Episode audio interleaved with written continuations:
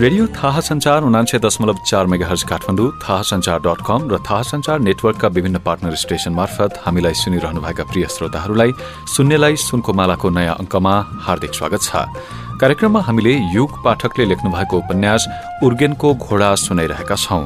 उर्गेनको घोडा माओवादी जनयुद्धलाई आधार बनाएर लेखिएका अत्यन्तै सीमित कृतिहरू मध्येको एक हो। यो उपन्यासले छापामार मेहन्दोको कथा भन्छ। आजको अङ्कमा हामी द्वन्द्वकाल उत्कर्षमा रहँदाका केही झलक र उपन्यासमा वर्णित तामाङ जातिको इतिहास सम्बन्धी प्रसंग प्रस्तुत गर्दैछौ। सुन्नेलाई सुनको मालामा प्रस्तुत छ उपन्यास उर्गेनको घोडाको तेह्रौं अङ्क।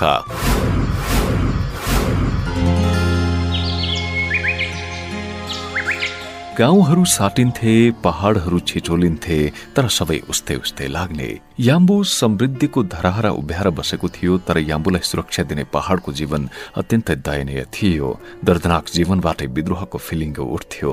रिङ मार्च याम्बुलाई सेल रोटी झैँ घेरो बनाएर घुम्दै थियो र याम्बुका शाही महलका सिसा चर्खन लागेका थिए। कुनै क्रिया बिनाको प्रतिक्रिया झै महसुस भएको थियो। शाही महलका बासिन्दालाई शीश महलका सिसा अत्याधुनिक थिए त्यसरी कसरी चर्कन्थे? उनीहरू विस्मयपूर्वक चर्केका सिसा हेरिरहन्थे। यता गाउँहरू भने रङ्गिएका थिए। तुल ब्यानर हरिया रुख बिरुवासँगै लहराइरहेका हुन्थे। घरका भित्ताहरू नाराका अक्षरहरू बोकेर उभिएका थिए। पहराका चट्यानी फब्ल्याटाहरूमा समेत जनयुद्धका नारा खोपिएका थिए। सबैजसो गाउँ उस्तै उस्तै लाग्थे उस्तै गरिबी उस्तै व्यवस्था उस्तै फिलिङ्गो उस्तै विद्रोहको भाव उस्तै आश्चर्य याम्बुका शाही महल कब्जा गर्ने उस्तै दमित आकांक्षा र उस्तै तुल ब्यानर। चैत वैशाखको घाम डडेलो सल्किएको जंगल फूलको मुस्कान हेर्दै भोग्दै अभियान टोली याम्बोको पश्चिम किनार हुँदै उत्तर लाग्यो। छिटपुट भिडन्त बाक्ले कार्यक्रम गाउँलेसँग भलाकुसारी इत्यादि चलिरहन्थ्यो। मेहेन्दोको डायरी मसिना अक्षरले भरिनै लागेको थियो। नयाँ बनेको संगठन कार्यकर्ता संकलित सुझाव इत्यादि इत्यादि उसले सिलसिला मिलाएर लेखेकी थिए। एक किसिमले ऐतिहासिक दस्तावेज जस्तो बन्यो डायरी। अन्तत उनीहरू फेरि अर्कै गाउँमा पुगे।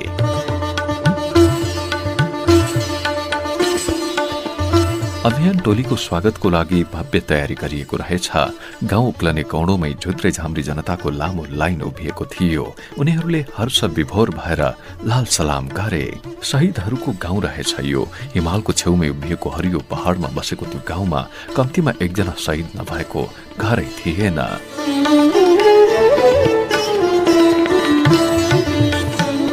प्लाटुन घोषणाको कार्यक्रम थियो। प्लाटुनमा सबैजसो नयाँ सदस्य रहेछन्। महिला पुरुष सराभरी। परेड र केही युद्ध कला प्रदर्शन गरे नयाँ जनसेनाले। उनीहरू नयाँ अनुभूति आवेग र रागात्मक अनुभवले लैस देखिन्थे। मानव जुनसुकै कठिन मोर्चामा पनि लडाईँ जित्न प्रतिबद्ध थिए। झमक्क साँझ पर्दै गर्दा भुइँ कुहिरो झ्याङहरूमा पिङ खेल्दै फैलिरहेको थियो। भाषण सकिएपछि प्लाटुन निरीक्षण क्रम सुरु भयो। सबै सतर्क पोजिसनमा बन्दुक ठाडो पारेर उभिएका थिए। सपनामा देखिने कुनै कुनै पात्र दृश्य वा ठाउँ यस्ता हुन्छन् जो पटक पटक सपनाको लोकमा आउँछन् र विपनामा जब उस्तै उस्तै पात्र दृश्य वा ठाउँ देखिन्छ तब मनमा उमट पैदा हुन्छ दिमागमा दबाव सृजना हुन्छ अनि सपना र विपनाको बीचमा भेद छुट्याउन नसकेर हृदय छटपटाउँछ निरीक्षण क्रममा अकस्मात मेहेन्दोका आँखा बलिष्ठ पाखुरा तीक्ष्ण आँखा र औसत उचाइको त्यो व्यक्तिमा गएर अडियो जो पंक्तिबद्ध लहरमा उभिएर अविचलित सिधा हेरिरहेको थियो। सपना र विपनाको भेद छुट्याउन नसके छटपटीले आक्रान्त भएपछि मेहेन्दोले आफूलाई थाम्न सकिन। तपाईँलाई मैले पहिले कहीँ देखाएको छु साथी। मेहेन्दोको जिज्ञासा। तपाईँ मेहेन्दो होइन? तपाईँलाई फुलमाया भनेर जिस्काउँथ्यौँ हामी। तपाईँ कुराहरू अलिक कम सम्झिनु हुँदो रहेछ। उसले बिना हिचकिचाहट जवाफ दियो दिमागका तन्तु कति धेरै सक्रिय भयो भने मेन्दुको टाउको बल्किन थाल्यो। परिचित आवाज परिचित शैली थोरै दम्बयुक्त परिचित अभिव्यक्तिको शैली परिचित नै थिए ऊ। तैपनि उसलाई नयाँ परिस्थिति र पुरानो यथार्थको बीचमा सम्बन्ध स्थापित गर्न कठिन भइरहेको थियो। क्षणभरका लागि वायुमण्डलको एक टुक्रा बिथोलिन पुग्यो। सँगै ठिङ्ग उभिएकाहरू अन्यलग्रस्त हुन पुगे। अनायासै उसको हृदयमा एउटा चित्र उदायो कालो कालो अनुहार सिनित्त पारेर छोटेको कपाल पहिलो दृष्टिमा ध्यानकर्षण गर्ने चुच्चो मोटो नाक हाँस्दा गालासम्म च्यातिने फराकिलो मुख र मध्यम उचाइ अनि पातलो शरीर। बलिदान बलिदान। आफ्नो मुखबाट फुत्किएको शब्द सुनेर मेन्दो स्वयं आश्चर्यचकित परी उता उसले पनि कति पनि विचलित नभई भन्यो हो बल्ल चिन्नुभयो।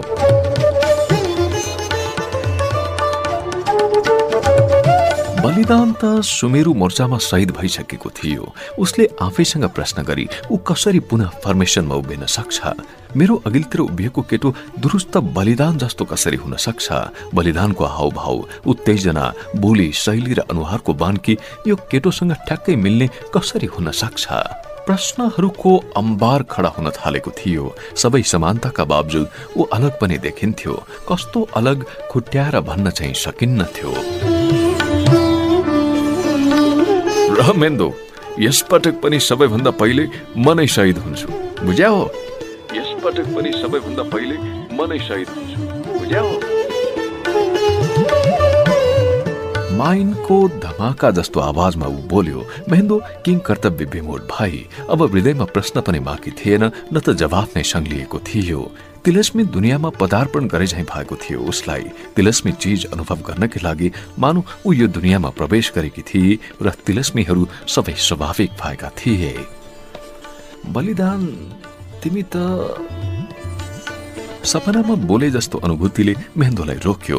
मेहेन्दोको अधुरो वाक्यलाई उसैले पूरा गरिदियो। हो मेहेन्दो म सुमेरु मोर्चामा शहीद भएको थिएँ। तर तर जनयुद्ध त जारी थियो।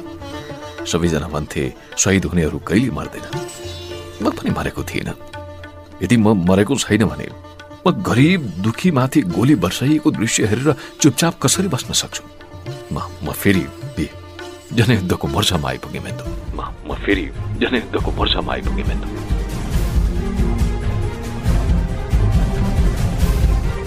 ऊ यति भनेर चुप लाग्यो तर संसारका सबै प्राणी एकैपटक बोले झैँ आवाजको झन्झाले कानको जाली फुट्न लागे झैँ भयो मेन्दोलाई हो शहीदहरू मर्दैनन् उनीहरूको मृत्यु हुनै सक्दैन उनीहरू त कालान्तरसम्म बाँचिरहन्छन् उसलाई यथार्थ र अयथार्थको भेद छुट्याउन निकै कठिन भयो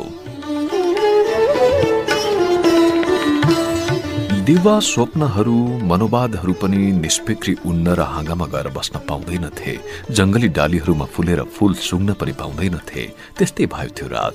चुक घोप्ट्याए झै अन्धकारभित्र भयानक युद्ध त्रासदी थियो। उसका हात स्वत हतियारमा पुगे। सबैजसो उठिसकेका थिए बाँकी उठ्दै थिए हतारो उत्तेजक थियो। सेल्टर अग्लो स्थानमा थियो र चारैतिर ट्रेन्च खनिएको हुनाले सुरक्षित पनि थियो। तैपनि लडाई त लडाई हुन्छ। लडाई कहिले पनि सुरक्षित हुनै सक्दैन। धेरै समयपछि लडाईँको प्रत्यक्ष मोर्चामा कमान्डरको हैसियतले उत्रिनुको आनन्दले महेन्द्रलाई कता कता काउकुती पनि लगाइरहेको थियो। उर्गेनको घोडा अन्धकार भित्रैबाट हिँडिरहेको थियो चिच्याइरहेको थियो। मानव युद्ध मैदानमा उत्रनको लागि कासन गर्दै थियो। उनीहरू आएको सत्य थियो। भेरी लाइट बालेर हेर्न खोज्दै थिए तर लोकेसन बारे प्रश्न थिएनन्। मेहेन्दोले कमान्डरहरूसँग फायर खोल्ने सल्लाह गरी सबै बाटोहरूमा फैलिएर घेरा हालेर आउँदै थिए तर उनीहरू शहीदहरूको गाउँमा आउँदै थिए। उनीहरूको ज्यादतीका धेरै रेकर्ड गाउँलेको मनमा ताजै थियो।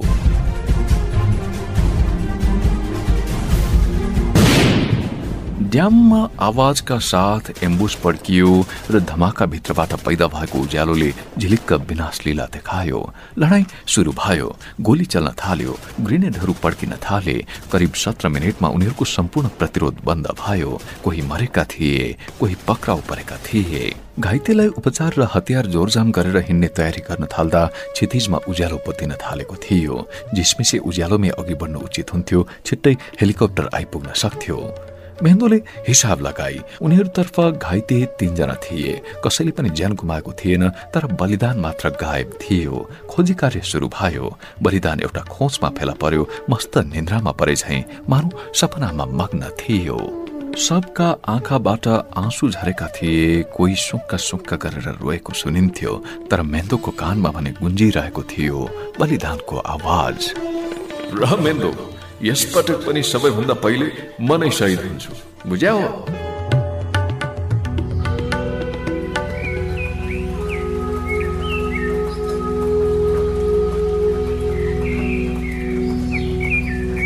उज्यालो हुँदा उनीहरू अग्लो लेकमा आइपुगेका थिए। बलिदानको झझलको परेलामै झुन्डिएको थियो। ज्योतिपुञ्ज जस्तो धुवा झैँ सलबलाइरहेको अनि त्यो सलबलाहट भित्रबाट उर्गेनको घोडाले आकार लिँदै थियो।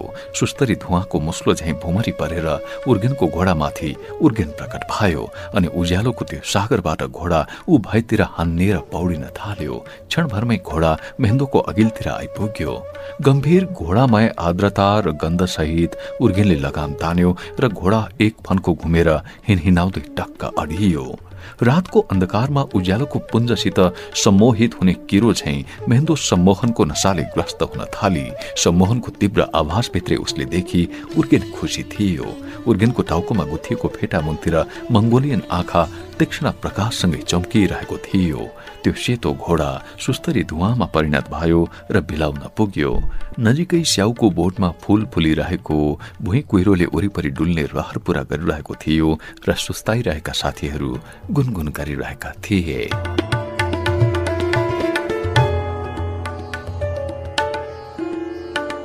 शङ्ख दरबार शङ्ख दरबार शङ्ख दरबार आँखामा आँसु आउन्जेल हेरिरहन्छे मेन्दु एकोतार आँखा झिमिक्क बने नपारिकन याम्बो उपत्यकाको कचौरे झैँ छातीमा बाक्लो कुहिरो खनाइरहेको छ आकाश अन्धकारको कालो धुलोसँग घोलिएर कुहिरो तुसारोमा परिणत भइरहेको छ उसलाई थाहा छ अबको एक घण्टा उन्चालिस मिनटमा याम्बो उपत्यकाभरि कर्फ्यूको आतंकले हिंस्रक राज गर्न थाल्छ तैपनि उसको आँखा अझै अगाएका छैनन् शङ्ख दरबारलाई नजिकबाट हेर्ने अवसर उसलाई बल्ल मिलेको थियो।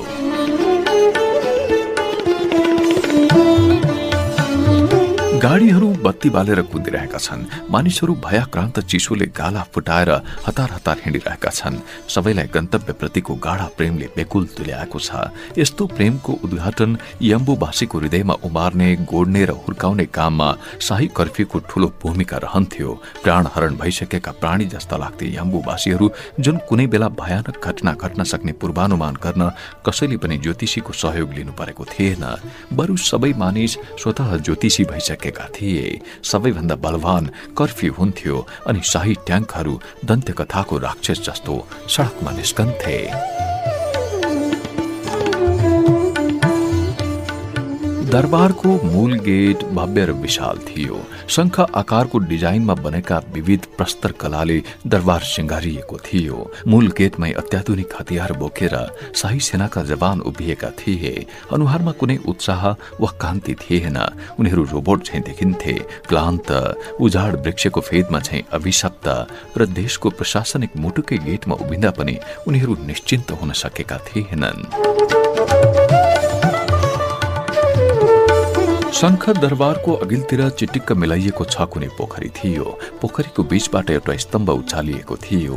स्तम्भको टुप्पोमा बडे मानको शङ्खको प्रस्तर मूर्ति थियो। मेहेन्दु दरबार अघिल्तिरको फराकिलो सडक किनारको बारमा कुहिनो अड्याएर उभिएकी छे। दरबार नियोन लाइटको उज्यालोमा चम्किएको छ। त्यो चमकमा शङ्खको मूर्ति अझ प्रष्टसँग देखिन्छ।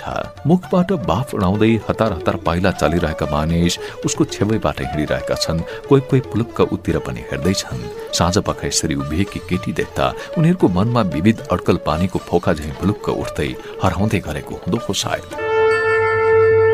शङ्ख नियोन लाइटले नुहाएर मेहेन्दोतिर हेर्दैछ। मानव उसँग कुनै गुनासोको गुम्फन छ शताब्दी पुरानो गुनासो। आफ्नो खोक्रो छातीभित्र लुकाएको गुनासो। केटाकेटीले ख्याल ख्यालमा नाकभित्र हालेको छोकडाको गेडा फुलेर या मानको भए झैँ छातीमा अट्न नसकेको गुनासो। शङ्खको सतहमा फैलिएको सेतो उज्यालो क्रमशः रातो हुन थाल्छ। त्यो रगतको पोखरीमा डुबे झैँ देखिन थाल्छ अनि क्रमशः तप्प तप्प रगतका थोपा चुइन थाल्छन् हरेक किनारबाट। शङ्ख रगतको बाढीले छोपिन्छ अनि अभिशप्त शङ्खबाट निस्किएको त्रासद सिम्फोनी क्रमशः फैलिन थाल्छ र त्यो सिम्फोनीसँगै हृदयमा चल्न लागेको ज्वार भाटाले मेहेन्दोलाई विचलित झैँ पार्छ। उसलाई भित्र हृदयमा कतै आभास हुन्छ कि यहाँ उभिरहनु ठिक छैन कर्फ्यू लाग्नु अघि नै होटल पुगिसक्नुपर्छ तैपनि हृदयमा लाभाको उमलाई थामिने छाड छैन। मेहेन्दो अर्ध बेहोसीमै ट्याक्सी बोलाउँछे। ट्याक्सीमा बस्छे अनि ज्याकेटभित्र हतियारको पोजिसन चेक गर्छे। गुडिरहेको ट्याक्सीको झ्यालबाट बिस्तारै छेउै छेउ बगेको दरबार देखिन्छ। दरबार पार हुन्छ अनि जाडो महसुस हुन्छ। ऊ ज्याकेटको खल्तीमा हात हाल्छे। दुवै पाखुराले जिउलाई च्यापेर दाँत किट्छे। हृदयमा उभार झैँ उठेर बन्छ उही रगतले नुहाएको शङ्खा।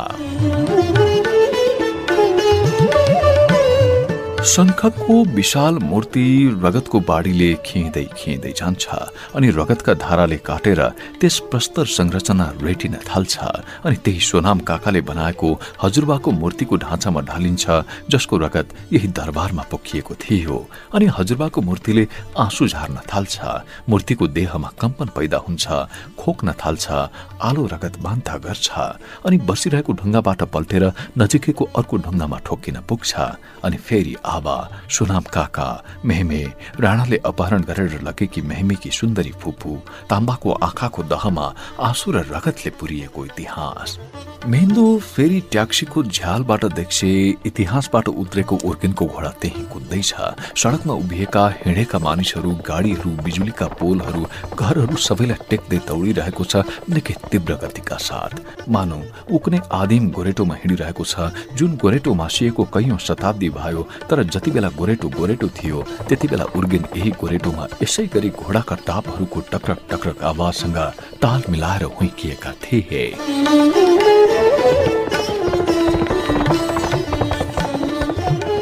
उर्गेनको घोडा अगाडि बढ्दैछ। उसको पछिल्तिर तामाङहरूको सिङ्गो नस्ल लावा लस्करमा हिँड्दैछ। उनीहरूका आँखामा हत्या गरिएका आफन्तहरूको रगतको भेल छ। हृदयमा हुन्डरी छ। सम्झनाको गल्छेडोमा छाडेर हिँड्नु परेको याम्बुको माटो छ। घरहरू छन् बारीहरू छन्। याम्बुमा उनीहरूका पुर्खाले बसालेको बस्ती छ। बस्तीका कथाहरू छन् व्यथाहरू छन् आविष्कार गरिएका नयाँ बालीहरू झुलेका छन् औजारहरू छरिएका छन् अनि लावा लस्करमा सामेल हरेक मान्छेको मस्तिष्कमा झलक झुलुक उनीहरूको राज्य धरतीको टुक्रा र आफन्त खोज्ने आक्रमणकारीको राक्षसी छवि पनि छ त्रास छ अनि सारा उन्नतिका कथा छोडेर हिँड्नु परेको पीडा पनि पुर्खाहरूले आवाद गर्दा याम्बुका खोजहरू सबै घना जंगलले भरिएको थियो। छङछङ बग्ने नदीहरूको नाद बोकेर उड्ने चराहरूको बाक्लो आवादी थियो। थरीथरीका जनावरको क्रीडा जीवनसँग गाँसिएको थियो जहाँ आदिम तामाङहरूले खोरिया फाँडेका थिए। ती याम्बुका डाँडा पाखामा बडो मलिलो उब्जाउ माटो हुने गर्थ्यो। प्राणजन्य बस्नाले खन्नेहरू खोस्रनेहरू बिउ रोप्नेहरू झार उखेल्नेहरू बाली निखन्नेहरू सबै कृत्य कृत्य हुन्थे विमुग्ध हुन्थे अनि सबै केटाकेटीका जिउ याम्बुको रसले भरिएर गठिला भएका हुन्थे। उनीहरूले बारी बनाए बस्ती बनाए गोठ बनाए किल्लाहरू बनाए धनुषकाँड बनाए शिकार खेले र जीवनशैली बनाए अनि गणप्रमुख छाने राज्य बनाए राजा बनाए याम्बो उपत्यकाको बीचै बीच राज्यका किल्लाहरू बनाए। टाढा टाढा पहाडहरूले याम्बुलाई सुरक्षित बनाएको थियो। कालान्तरसम्म जीवन रेखा नदीहरू झैँ बाङ्गो टिङ्गो बग्दै रह्यो। कसैले उनीहरूको राज्यमा आँखा लगाउन सकेन। आँखा लगाउनेका आँखालाई याम्बुका अग्ला डाँडाहरूले छेकिदिन्थे। उनीहरूले नयाँ जातका बाली खोज गरे अस्त्रहरूको आविष्कार गरे धनुषकाण्डमा विशारद हासिल गर्नेहरूले धुरन्धर धनुर्धरहरूको उत्पादन गरे शिकारका नयाँ नयाँ तरिका जालहरू विकास गरे मूर्तिकारहरू जन्मे ताम्बा कविहरू जन्मिए गीतहरूको विकास भयो र जीवन समृद्ध हुँदै गयो। एक दिन याम्बुको कुनै केटो दाउरा खोज्न जङ्गल गयो। कैयौं दिन ऊ जंगलमै हरायो यम्बुलेहरू उदास हुन पुगे।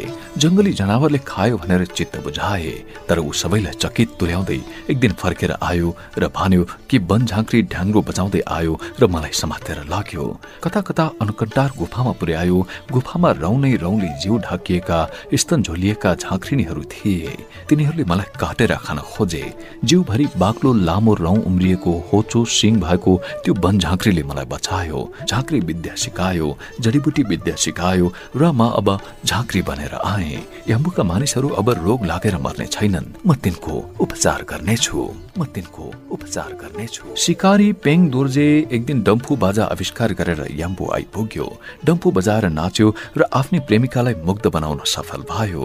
ऊ पेङ दोर्जेसँग लेप्सिएकी थिए। याम्बुलेहरूका विस्फारित आँखाले सोधेका प्रश्नको जवाफ दिँदै उसले भन्यो म शिकार खेल्दै हिमाल छेउमा पुगे।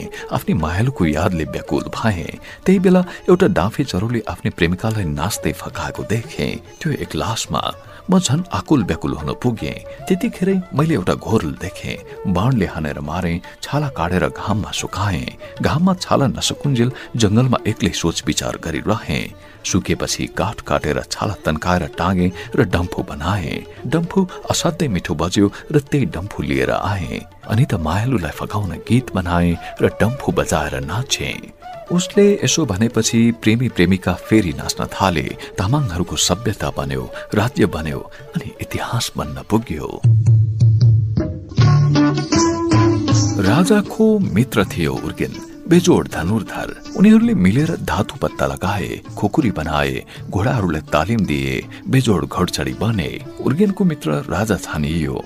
उर्गेन याम्बुको हेरविचार गर्ने सिपाहीको प्रमुख बन्न पुग्यो। साहस र मेहनतका निम्ति दुवै ख्याति प्राप्त थिए। मध्यरातमा याम्बुमाथि आक्रमण हुँदा उर्गेन आफ्नो दूध जस्तो सेतो घोडालाई घाँस खुवाउँदै थियो। भोलिपल्ट लामो यात्रामा जाने तयारी गरेको थियो उसले। हिमाल छेउसम्म पुगेर ऊ सुन खानी खोज्न चाहन्थ्यो। आफ्ना मित्र राजाको टाउको काटिँदा ऊ झस्केर उभिएको थियो। हातमा अझै हरियो घाँस थियो। उसले वायु बेगले धनु समात्यो बाणको ठोक्रो भेर्यो खुकुरी कम्मरमा बाँध्यो र सिपाहीहरूलाई उठाएर लडाईँको निम्ति तयार भयो। तर हुणार जस्ता आक्रमणकारीले यम्बु दरबारमा रगतको खोलो बगाएर कब्जा जमाइसकेका थिए झिसमिसेमा केही सिपाही ज्यान जोगाएर आए। उनीहरूले सुनाए आक्रमणकारीहरू अग्ला अग्ला ठुल्ठुला आँखा भएका चम्किला चम्किला तरवार भेरेका सयौंको संख्यामा थिए। उदास उर्गेनले आफ्नो प्यारो सेतो घोडामा चढेर भन्यो अब याम्बुको भोग पुग्यो। भोलि हाम्रा बच्चाहरूलाई पनि मार्छन्। चेलीबेटीहरूको बलात्कार गर्छन् बुढाबुढीलाई भालाले रोपेर मार्छन्। जति मर्ने मारे हामी यम्बु छोडेर जाउँ। नयाँ ठाउँ खोज्नुपर्छ। ढिला गर्नु हुँदैन यम्बु छोडेर जाउँ। यम्बु छोडेर झिसमिसे उज्यालोमै याम्बु छोडेर हिँडेका तामाङहरूले उपत्यकालाई घेर्ने डाँडा काटेर माथि अझ माथिको अग्लो डाँडामा बस्ती बसाए। खोरिया खनेर खेतबारी बनाए घरहरू बनाए सभ्यता जति बचाएर ल्याएका थिए त्यसैलाई सुरुवात ठानेर जीवनको नयाँ अध्याय सुरु गरे। तर याम्बुमा छाडेर आएको सभ्यताले उनीहरूको मस्तिष्कमा गहिरो छाप पारेको थियो। ताम्बाहरूले काइतेन रचना गरे र इतिहासलाई गीत बनाएर गाए। यता उर्गेनको मनमा भने याम्बुको प्रेम अझै गहिरो थियो। जहाँ उसको जन्म भएको थियो बोली फुटेको थियो यवनको ताप चढेको थियो माया प्रेम गरेर दुलही भित्र्याएको थियो।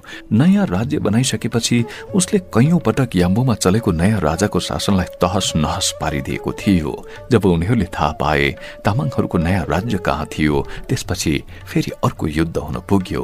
उर्गिनको फौजका अघिल्तिर उनीहरू टिक्न सकेनन् र हारेर फर्किए। नयाँ राज्य याम्बुजोङको नामले प्रख्यात भयो। उर्गेनले जसलाई राजा छानेको थियो ऊ पनि बेजोड घोडचडी युद्ध थियो। उर्गेन कालान्तरमा बुढो भयो र मर्यो र उसको छ्योर्तेन अर्थात् माने अग्लो पर्वतको सबभन्दा सुन्दर ठाउँमा उर्गेनको धनुर्धर मूर्ति सहितको निर्माण गरेपछि राजाको आँखामा आँसु थामियो र ऊ बल्ल सन्तुष्ट हुन पुग्यो।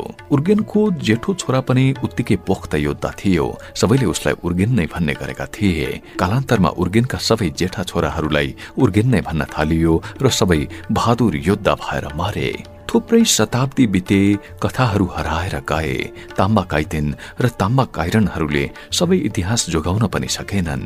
थुप्रै तामाङ नयाँ नयाँ सहित उत्पन्न भएका चतुर मुखियाहरूसँग टिक्न नसकेर अनकन्टार र सुदूर पहाडतिर हन्निए।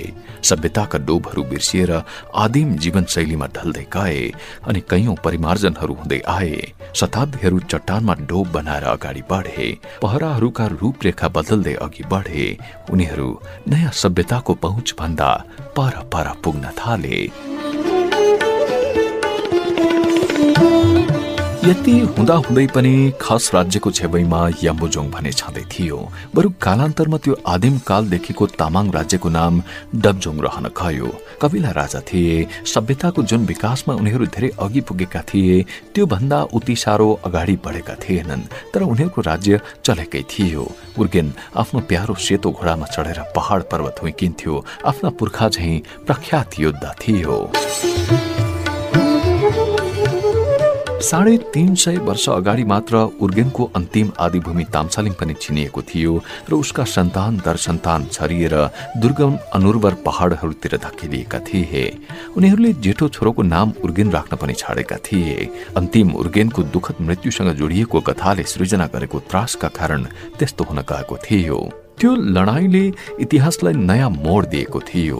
तीन दिने भीषण लडाईँमा उर्गेनको साहसको अघिल्तिर खस सैनिकको केही लागेन। दुवै तर्फका सैनिक मारिएका थिए घरहरू जलाइएका थिए पशुहरू बाणले हानेर मारिएका थिए अरू मानिस पनि मरेका थिए मानिसहरू घर छाडेर जंगलतिर जान थालेका थिए। उर्गेनले लडाईँमा वीरताको सबै परिभाषालाई तोडिदिएको थियो।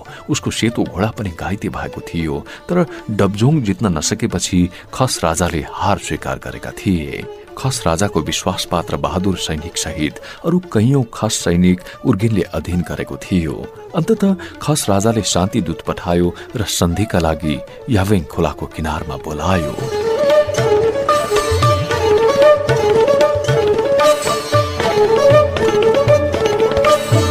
सोझा तामाङ राजा र उर्गेन दुवैलाई खसहरूले षड्यन्त्र गर्लान् भन्ने आशंका भएन अथवा खसहरूप्रति आशंका व्यक्त गर्दै हतियार लुकाएर लैजाने कसै कसैको सल्लाहलाई उनीहरूले अनुचित ठहर्याए हुन पनि त्यो शान्ति सन्धि हुने दिन थियो।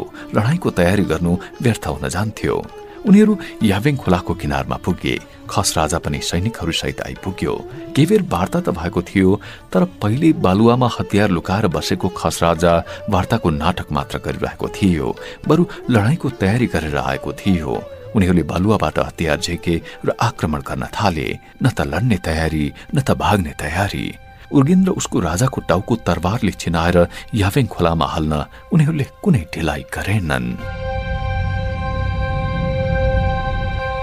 बिजुली चम्किए झै भयो हाहाकार र चितकार हुन थाल्यो अनि भयानक मृत्युको अघिल्तिर स्वयं त्रसित हुँदै खास राजा र उसका सैनिकहरू यावेङ खोलाको किनारै किनार दक्षिणतिर भागे उर्गेन्द्र राजाको टाउको यावेङ खोलामा बग्दै बग्दै गयो र भुमरी परेको ठाउँमा डुब्न नसकेर अनन्त चक्कर काट्दै घुमिरह्यो।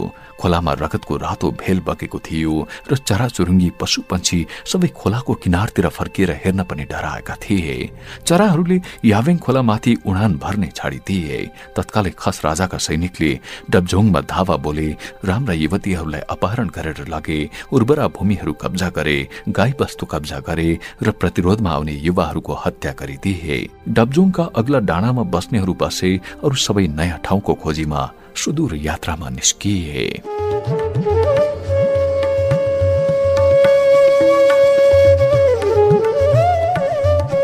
उर्गेनको टाउको भुमरीमा चक्कर काट्दै थियो उसको घोडा उसको टाउको काटिएकै क्षण प्राण त्याग गरेर पसारिएको थियो बसाई सर्नेहरूको एउटा समूहसँगै उर्गेनका छोरा छोरी आए। भुमरीमा घुमिरहेको टाउको देखेर खुब रोए तर टाउको डुबिरहेको थिएन। यावेङ खोला सङ्लिएको पनि थिएन। ताम्बाले भन्यो उर्गेनको आत्मा तृप्त छ उसलाई इतिहास जोगाउने बाछा देऊ अनि बल्ल डुबेर जान्छ। उर्गेनका छोराछोरीले उर्गेनको बहादुरीपूर्ण इतिहास जोगाउने कसम खाए रुखको पात चुडेर हातमा मार्दै तिनीहरूले भने कुनै न कुनै दिन आदि भूमिको इज्जत फिर्ता ल्याउँछौ। उर्गेनको टाउको बिस्तारै भुमरीमा डुब्यो र यावेङ खोला पनि सङ्लो भएर भग्न थाल्यो।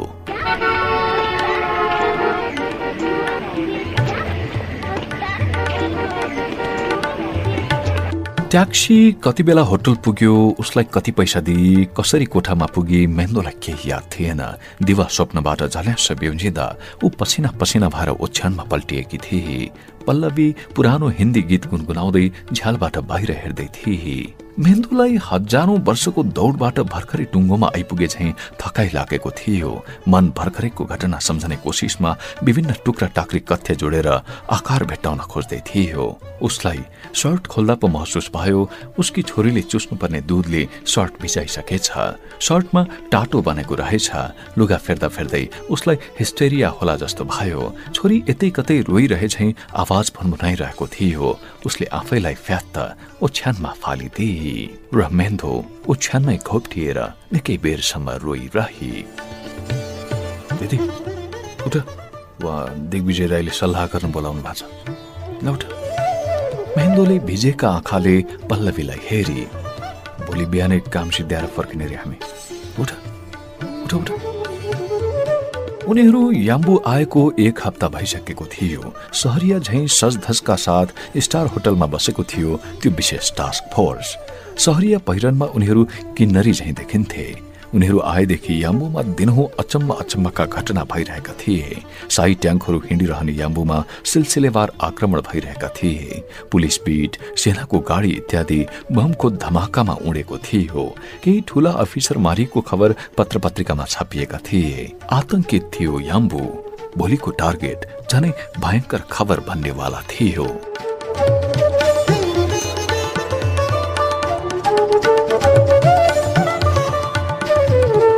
रातारात उनीहरू याम्बुबाट फर्किए र हिमालको फेदमा रिङ मार्च अभियान भेट्न पुगे। महान काम महान हृदय महान परिश्रम र महान इच्छा शक्ति उनीहरू महानताका सबै परिधि नागिदिन चाहन्थे। व्यस्तताको कुनै सिमाना थिएन। व्यक्तिगत आकांक्षाका निम्ति समय सदैव अपुग हुन्थ्यो। सुन्दर मानवीय समाज निर्माणको सपनाका निम्ति जिन्दगीमा उपलब्ध सबै समय चढाउँथे। आस्तीले भगवानलाई फूल चढाए उत्सर्ग प्रेमले हरेकलाई सुखद प्रकारले विस्मित बनाइदिएको हुन्थ्यो। हर क्षण मायावी लाग्थ्यो। सुख दुःखका अनुभूति पनि मायावी महसुस हुन्थे। त्यो रात मेहेन्दोलाई राम्रोसँग निन्द्रा परेन।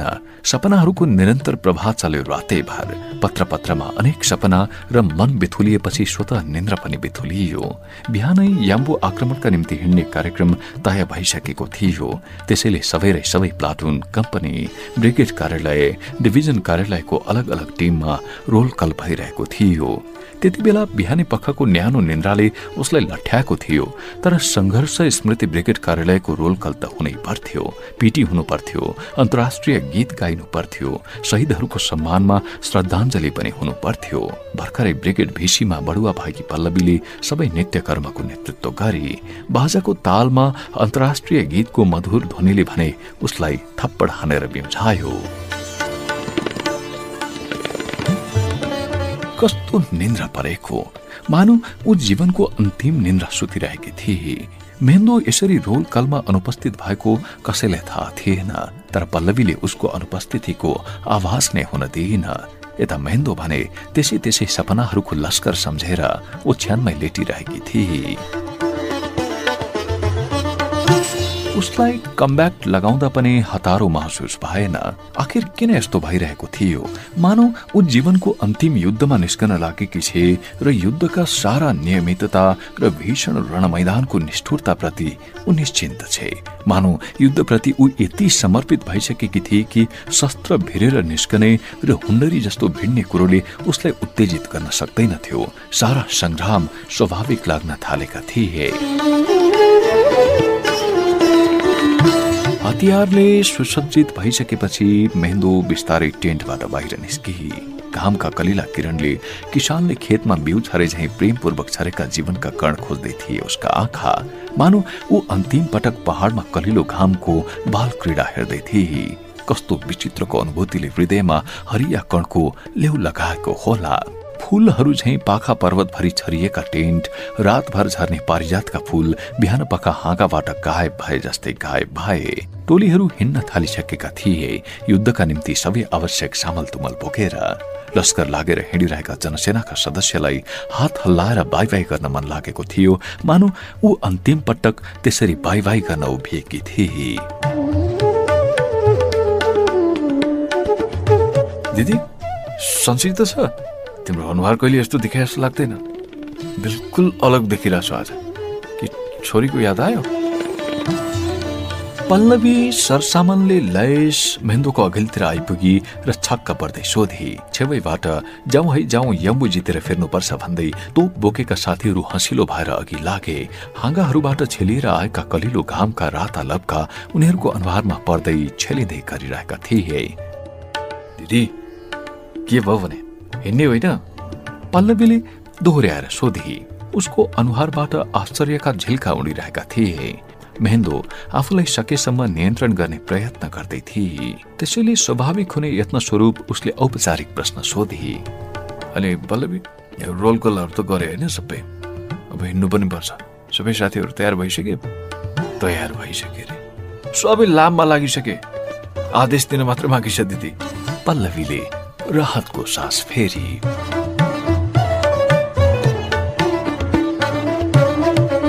पूर्वतिरबाट घाम चिहाएर हेर्दै थियो।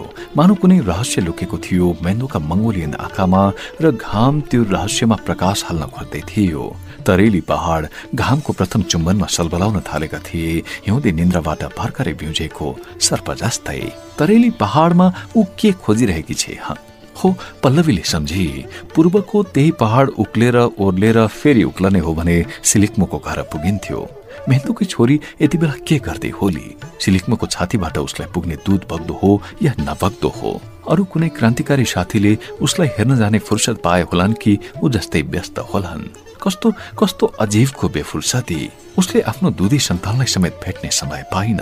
यति नजिक आएर ऊ फेरि युद्ध मोर्चामा फर्किँदै थिए आखिर अन्तिम युद्धको बेला भावुकताको अर्थ पनि के हुन्थ्यो र? भावुक प्रकारको विचारले अल्मल्याएको थियो मेन्दोलाई। पूर्वतर्फको क्षितिजमा अझै हेर्दै थिए। अकस्मात घामले प्रवाहित गरेको मुस्लो उज्यालोकै गर्तबाट उर्घिनको घोडाको आकार निस्कियो। जगर हल्लाएर हिनहिनायो र बिजुली गतिमा उभयतिर हन्निएर आयो। मानव घामको एउटा किरण समातेर त्यसैसँग उडेर आएको थियो। त्यो सेतो घोडा।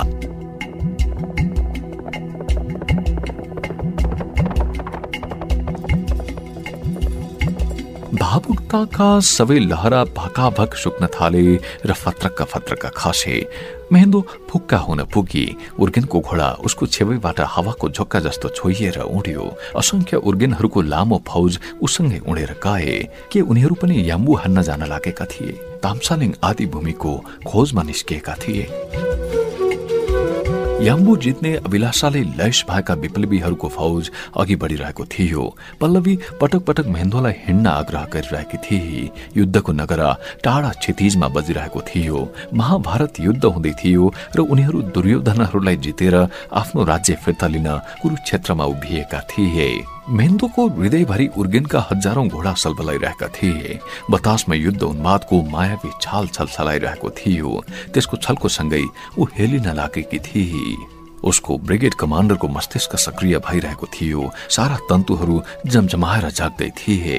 यही बेला सेटेलाइट फोन बज्न थाल्यो फर्मेसन अगाडि बढ्यो चट्टानहरू टेक्दै गोरेटोहरू पहिल्याउँदै याम्बुमा शासन गर्ने दुर्योधनहरूलाई गल हत्याउने अन्तिम मोर्चामा बलिदान हुने उन्माद मेहेन्दोभित्र उम्लिएर आयो। सबै छापामारहरूका विप्लवी औलाहरू यतिखेर ट्रिगरमा थिए।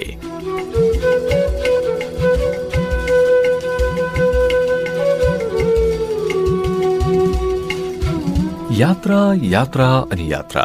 विश्राम अनि फेरि यात्रा युवा युवतीका अनुहारमा मुक्तिको उद्दाम सपना फक्रेका थिए। चलेका चलनलाई प्रतिस्थापन गर्ने र नयाँ चलन चलाउने नयाँ इतिहास बनाउने अभिलाषाको म्याराथुन दौड अविच्छिन्न चलिरहेको थियो। तिग्रामा छर्रा बोकेकाहरू पछि हटेका थिएनन्। पाखुरामा गोलीको घाउ बल्झिएकाहरू पर सरेका थिएनन्। औला गुमाएकाहरू जे सकिन्छ त्यही गर्ने जिद्दी पक्रेर लाम लागेका थिए। जीवनसाथी गुमाएकाहरू अब दोस्रो नहुने प्रण गरेर डटेका थिए। महाभारतकालीन समयबाट ओर्लेर एक्काइसौं शताब्दीमा आइपुगेको श्रीकृष्ण योद्धाहरूलाई न्यायका लागि शस्त्र उठाउन आह्वान गरिरहेको थियो। हलो जोत्दै गरेको किसान छक्क परेर हेरिरहेछ। सायद सोचिरहेछ यिनीहरूले ज्यानै माया मारेर रचना गरेको संसार कस्तो होला? घाँस काट्दै गरेकी महिला एउटा हातमा एक चुबुरको घाँस र अर्को हातमा हँसिया लिएर मूर्तिबद्ध उभिएकी छिन्। सायद गम्दैछिन् यी उम्दा बहिष्का केटीहरू कुन उत्प्रेरणाको महाज्योतिले बलेका होलान्। घामलाई पछ्याउँदै पश्चिम लम्किरहेको थियो फौज। घामसँगै हिँडेकाहरू अस्ताचलमा रातो नाङ्लो भएर घाम टाङ्गिएपछि सुस्ताए। घाम सुस्त सुस्त हुँदै निधाएपछि उनीहरू पनि सेल्टरमा बास बसे। मिटिङ रोल कल पासवर्ड वितरण सबै सकियो। सेल्टरहरूमा विकेन्द्रित हुने आदेश दिए मेन्दोले कमान्ड बस्न तयार पारिएको सेल्टरमा पुगेपछि मात्र ऊ केही सुस्त हुन पुगी। खोलाको सुरम्य कलकल कुहिरोको प्रकोप अनि चिसो सिरेटोले उसलाई विद्रोहको याद दिलायो। पुरै डिभिजन केन्द्रित हुँदै थियो। त्यसैले अन्तिम सेल्टरमा पुग्दा विद्रोहसँग भेट हुने निश्चित थियो। छोरीसँग भेट्न नपाउँदाको पीडा ताजा थियो। तैपनि विद्रोहसँग भेट हुने कल्पनाले मात्र उसको रोम रोम पुलकित भएको थियो। उनीहरू बास बस्ने सेल्टर एउटा गोठ रहेछ। गाई वस्तु बाँ बाँ गरेको एक अर्कासँग ठुस्किएको र उग्राको आवाजले गोठ जन्य सौन्दर्य प्रसारित गरेको थियो। मास्तिरपट्टि परालको पातलो डस्ना थियो जहाँ उनीहरूले रात गुजार्नु थियो। सायद नयाँ पराल चढाउन भ्याएका थिएनन् घरपेटी किसानले। हुस्सु लागेको रात्रिकालीन सन्नाटाकै बीच मेन्दोको सेटेलाइट फोन बाजियो। हेलो? मेन्दो। ल ध्यान दिएर सुन है मेरो कुरा। फोनमा दिग्विजय बोलिरहेका थिए। कुरा के भने नि मेन्दो? याम्बुबाट आज बिहानै हिँडेको दुश्मनको ठुलै फौज तिमीहरूको आर्कतिर अगाडि बढिरहेछ। तिमीहरूको सेल्टर भएको ठाउँमा आइपुग्न उनीहरूलाई छ सात घन्टाभन्दा बढी लाग्दैन। अहिले दुश्मन गाउँकै एउटा स्कुलमा बास बसेको खबर छ मेन्दो। राति नै हिँडेछन् भने म कहाँ सूचना आइहाल्छ म फेरि खबर गरौँला। तर बस्नु चाहिँ सतर्क भएर बस्नु। है त मेन्दो?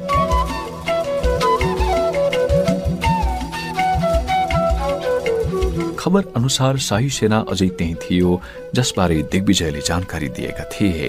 रातभर खान तलासी गरेको थियो गाउँलेहरूलाई आतंकित पारेको थियो। दाइ मलाई यो बाटोको बारेमा एकदम राम्रोसँग थाहा छ। खोलाको बगरै बगर एउटा अस्थायी हिउँदी बाटो छ दाइ उनीहरू भोलि त्यही बाटो आउने निश्चितै छ अर्को उपाय छैन। बगर फैलिएको छ मैले नक्सा बनाइसकेको छु दाइ बगरमै हान्दा कस्तो होला दाइ महेन्द्रले दिग्विजयलाई धेरैजसो कोड भाषा प्रयोग गरेर सोधे फोन क्यार भइरहेकोले वार्तालापमा समस्या भइरहेको थियो। केही बेर डिभिजन कमान्डरसँग सल्लाह गरेपछि दिग्विजयले फेरि फोन गरे। हुँदैन मेन्दु यो चाहिँ दुस्साहस ठहरिन्छ हाम्रो। र चाहिँ फेरि केही गडबड भयो भने सबै मिसन नै अल्मलिन्छ मेन्दु त्यस्तो हुँदैन के दाइ सरप्राइज एट्याक गर्ने। धुलो पिठो पारिन्छ दाइ अझै सल्लाह गरेर खबर गर्ने शर्तमा दिग्विजयले फोन काटे। त्यसको केही समय लगत्तै दिग्विजयले फेरि फोन गरे। हेलो मेन्दो। ल हान्ने नै पास भयो मेन्दो। तिम्रो ब्रिगेडले के भन्छ त्यो उत्तरतिरको डाँडोबाट हान्ने अर्को ब्रिगेडले दक्षिणतिरबाट हान्ने र डिभिजन कार्यालयको फोर्सले पूर्वतिरबाट च्याप्ने भन्ने कुरो भयो। ल त्यसको तयारीमा लाग तिमी। म टाइमिङ मिलाएर फेरि फोन गर्छु।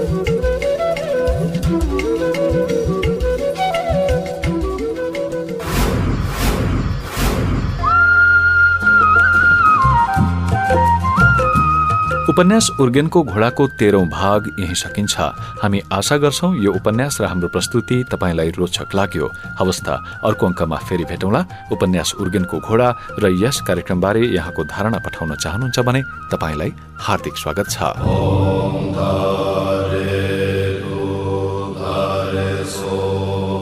सुन्नेलाई सुनको माला। यस कार्यक्रमको publicity partner TBI group Nepal.